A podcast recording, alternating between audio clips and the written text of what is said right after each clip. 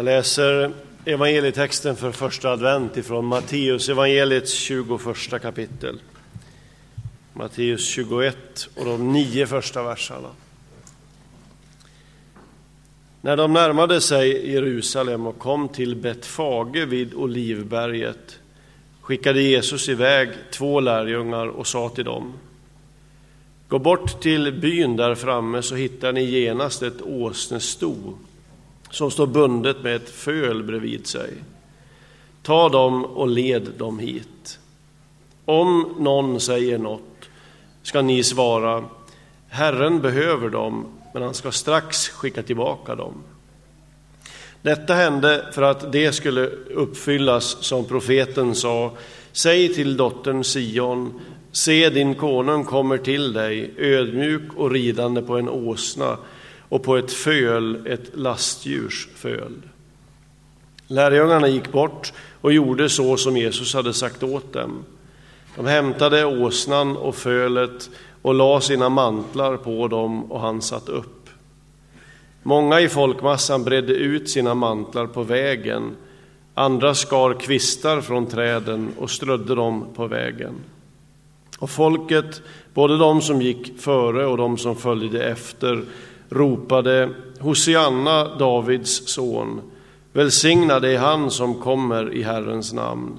Hosianna i höjden. När han drog in i Jerusalem blev det stor uppståndelse i hela staden. Låt oss be. Gud, så ber vi att du välsignar ditt eget ord i våra liv. Herre, tack för att de här urgamla berättelserna får fortsätta att säga det viktigaste till oss. Jag ber om, om ditt ljus idag, in i våra liv. I Jesu namn. Amen.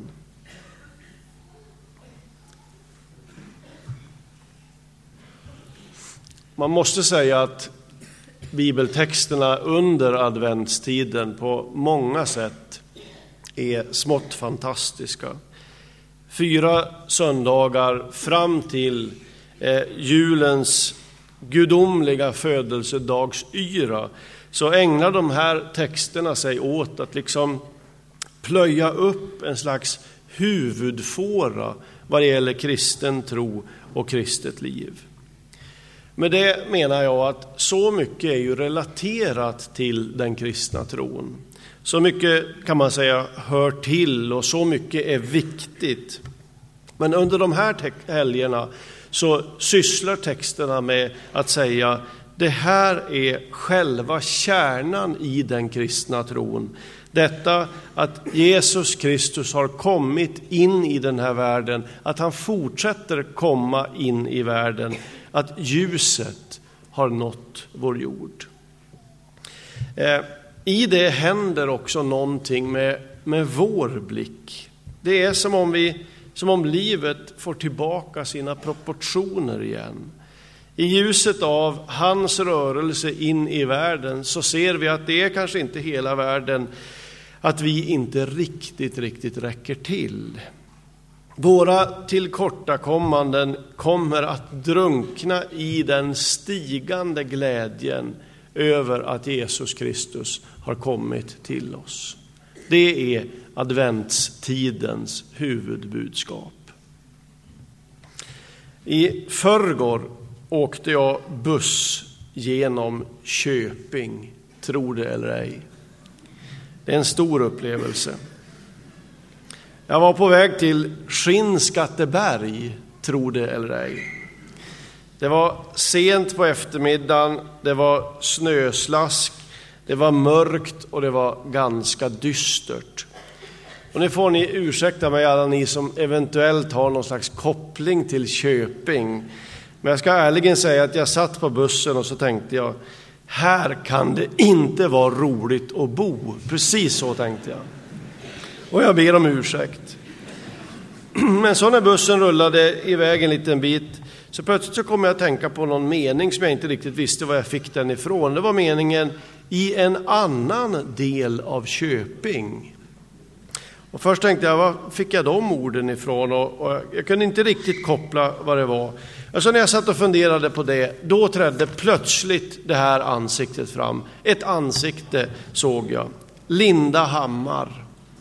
Från TV4s fullständiga succéserie om ett gruppboende, en gruppbostad i just Köping. Och den där serien var ju rubriken I en annan del av Köping. Fantastiska människor som agerar där med mer eller mindre framträdande funktionshinder. Ni som såg det minns dem, Mats och Micke och Linda här och så Tobbe, den där evige hypokondrikern. Något av det bästa som har gjorts i svensk tv, om ni frågar mig. Och så vips så åkte bussen vidare mot Skinnskatteberg. Och så insåg jag att jag plötsligt hade en liten annan känsla för Köping. Jag tänkte faktiskt att här, hit skulle man ju faktiskt kunna flytta den dag man går i pension, möjligen. Men jag tror det blir svårt att genomföra. Men det där är ganska intressant, vad lite det ibland behövs för att förändra någon slags känsla eller bild. Därför att allting är ju inte vad det synes vara på ytan. Det finns inte sällan en slags officiell historiebeskrivning i olika sammanhang. Och så finns det en annan historia, en för ögat dold berättelse om allt det där som händer lite grann vid sidan om i en annan del av Köping, om ni förstår. Men som ibland visar sig vara den egentliga berättelsen. Det är någonting av den där känslan över den här märkliga texten jag har läst idag ifrån Johannes 21. Någonting av den känslan. För vid sidan av storstans larm så finns det återberättat en pytteliten händelse som ganska snart visar sig alldeles avgörande för det stora skeendet. Det är en doldis, det måste man säga, som spelar en passiv men väsentlig roll i det som händer. Och jag tänker förstås på ägaren till den där åsnan och till åsnans föl. Eh, alltså de åsnor som Jesus lånar för att sedan rida på in i Jerusalem. Vi vet inte vad den här mannen heter. Vi vet inte vad han jobbar med. Vi vet inte ens vad han har för religiösa anlag för att bli utvald för det här hedersuppdraget. Det enda vi vet om honom, det är att han äger ett åsnesto och ett föl. Och att det råkade vara precis vad Jesus behövde just då. Och, och det är viktigt, att den här mannen lånade ut sina dragdjur utan några som helst protester. Det är allt vi vet om honom. Man kan ju säga att den här åsneägaren framskymtar som ett ansiktslöst och namnlöst någon i en bisats.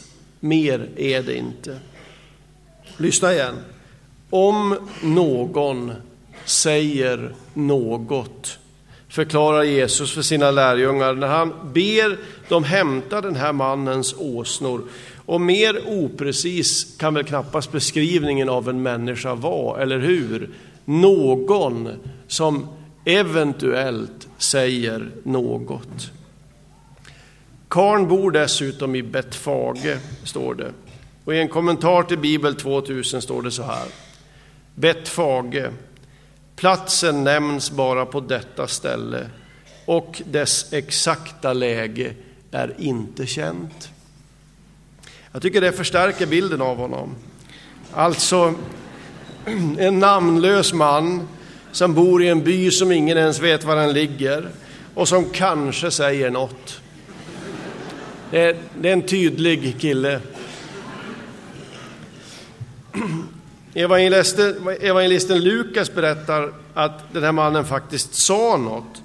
Att han frågade när lärjungarna baxade ut hans åsna och fölet så sa han, varför tar ni åsnan? Det tycker jag är en befogad fråga. Och uppenbarligen förstår vi också att han nöjde sig med svaret, Herren behöver den, men han ska strax lämna tillbaka den. Ändå har ju den här mannen eh, i sin transparens och i kraft av sin passivitet något väldigt viktigt att berätta. Och jag har tänkt för idag att han faktiskt har något viktigt att berätta om själva evangeliet, alltså vad evangeliet är. Huvudtråden i det kristna evangeliet. Jag ska alldeles strax återkomma till det, men jag ska först konstatera att om han inte hade släppt till sina åsnor så hade det gått grus i maskineriet vid Jesu Eriksgata i Jerusalem. Och det är så spännande. Det som händer, händer så att säga i en annan del av Köping, också här. Åsneägarens gårdstun sitter på något märkvärdigt sätt ihop med huvudgatan i Jerusalem.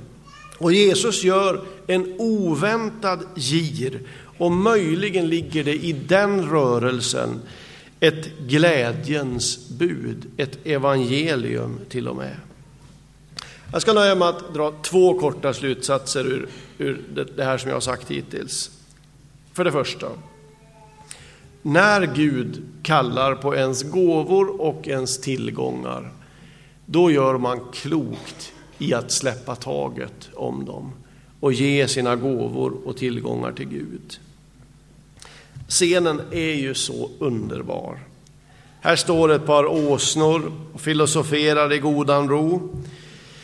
Föga anar de, om nu åsnor anar, föga anar de vad som ska komma. De bara står där. Dagarna går, solen går upp och värmer, det blir stekhett, tryckande hett. Solen går ner framåt eftermiddagen och bjuder en stunds svalka och dagarna blir veckor och veckorna blir månader. Och så hux flux händer allt på en gång. Utan minsta förvarning så har båda de här djuren blivit utvalda och utlånade till hedersuppdrag i tillvaron. Och så undrar man, hur gick det till? Och inte minst, varför just de här två djuren av alla dragdjur runt Jerusalem? Guds urvalsprinciper har vi ganska liten insyn i. Men det vet vi, att han väljer inte riktigt som vi. Han värderar inte riktigt som vi gör. Han ställer varken upp åsnor eller människor i en lång rad och granskar dem. Han mäter oss inte i förhållande till någon annan. Han behöver det han behöver. Punkt slut. Observera att vad jag säger är inte att till raden av alla dem som kräver din tid, som kräver dina pengar, som kräver ditt engagemang, din uppmärksamhet, så ska vi också foga en krävande Gud. Det är inte det jag säger. Jag talar om något helt annat, det man skulle kunna kalla för nåden att få vara behövd. Nåden att få vara behövd. Alltså att få sitt liv och sina gåvor insatt i ett större sammanhang än den egna smala lyckan. Att få se sitt liv som en välsignelse för någon annan. Och så det andra. Det viktiga är, om man lyssnar noga på den här berättelsen, det viktiga är inte att hålla sig framme. Det är att vara beredd. Och det är ingen ordlek. Det viktiga är inte att hålla sig framme. Det viktiga är att man är beredd. Det som ska användas när det verkligen gäller i livet och i Guds rike, det finns sällan i vimlet där alla trängs om utrymme. Gud verkar ha någon slags förkärlek för det där som står någonstans liksom i godan ro. Och i ljuset av det så blir det mindre viktigt att ständigt och jämt hålla sig framme och bevaka sin position. Det viktiga är tydligen att man har sina åsnor redo när budskapet ljuder. Det måste väl vara en ganska frisk hållning till allt det där som blev vårt. Våra gåvor, våra tillgångar, också det som ingen ibland tycks bry sig om eller efterfråga. Det står här och det väntar på nåden att få bli behövt. I det konstaterandet ligger en bekännelse och jag tror en bekännelse som skulle kunna forma en livshållning. Det är inte vassa armbågar och kontakter som avgör våra liv. Snarare modet att stå still, vänta på Guds tid, vänta på Guds kallelse över ens liv. Det finns, det finns ett litet ord som har flutit upp de senaste åren som ett av de där påfrestande modeorden som ganska snart, hoppas jag, ska vara förpassade till det svenska språkets skräpkammare. Ordet är framkant. Det gäller att ligga i framkant, sägs det. Och jag ryser. Det här är de, detta är de starkas språk. Observera det, det är de starkas språk. Väl medveten om att jag gör stort nummer av något som är ganska perifert, så måste jag ändå få säga att när det i andliga kretsar börjar talas om vikten av att ligga i framkant, då drar jag öronen åt mig. Eh, det där ordet som säkert bara är något modernt försök att sammanfatta att man har initiativ, att man är förutseende, att man kanske är påläst, har ju egentligen ingenting dåligt i sig, ingenting av det är fel. Men det är viktigt att säga att i Guds rike så tycks själva huvudrörelsen eller huvudriktningen vara den motsatta. Det är Gud som tar och har initiativet. När tiden var inne sände Gud sin son. Alltså Jesu ankomst in i världen är inte resultatet av våra förberedelser och våra, vår inbjudan. Jesus har en egen agenda. Den agendan är att rädda människan och det var därför Jesus kom. Det här mönstret är väldigt tydligt i Bibeln. Han kallar och vi svarar. Han går före och vi följer. Han är herden och vi är jorden. Fårens uppgift är inte att ligga i framkant. Fårens uppgift är att gå dit herden går. Jag tror att det här är ganska viktigt att understryka därför att våra liv hela tiden går upp och ner. Allt liv gör det, också det andliga livet går upp och ner. En del tider känner man att man är, i, man är i första ledet, man är på gång, man kanske är där det vi då kallar för framkant. Och andra tider så känner man att man står längst bak i det där ledet och man undrar om man ens platsar där. Och när vi tittar ut över ett folkhav som det här, en första advent i Smyrna, så vet ju vi att under den här uppklädda ytan så, så är det uppåt för någon, men det är neråt för någon annan. Någon har framgång i livet just nu, och någon annan sitter här och allting i ditt liv har fullständigt kraschat för tillfället. Någon har alldeles nyss fått tillökning och livet är liksom på gång. Och någon annan har sorg. Någon av er vaknade riktigt, riktigt lycklig i morse. Och någon vaknade med gråten i halsen. Så är mänskligt liv. Adventstidens budskap det är att påminna oss om att Jesus har kommit Han har banat sig väg rakt in i allt detta. Ljuset har kommit in i världen.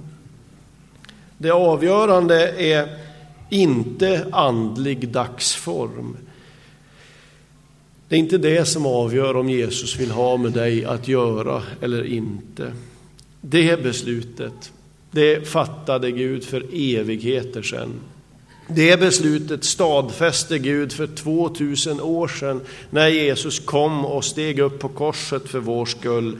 Det har inte förändrats och därför vågar vi säga att när Jesus kommer idag så kommer han till ditt liv sånt som det är just nu. Alltså inte först och främst sånt som det borde vara. Han gör entré i ditt liv så som det är just nu. Hans budskap har inte förändrats. När han kommer så ljuder det i luften. Frukta inte, dotter Sion. Så för att avrunda. Det viktiga är inte att du ligger i framkant. Du kan släppa det. Det viktiga är att du är beredd, öppen, tillgänglig för Gud. Och jag tror att vi kan vila i att Gud vet var vi står. Också om det är i en annan del av Köping. Vi ber.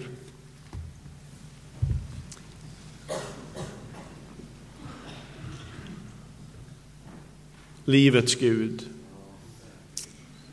du som är allt igenom kärlek. Tack för att du ser på oss där vi står idag. Och du ser det som bär i våra liv och det som brast i våra liv. Herre, tack för att du också den här dagen över våra liv uttalar de där orden att det finns någon som behöver oss. Och Herre, till det uppdraget vill du också ge oss kraften att få vara med och sprida ljuset i den här världen. Amen.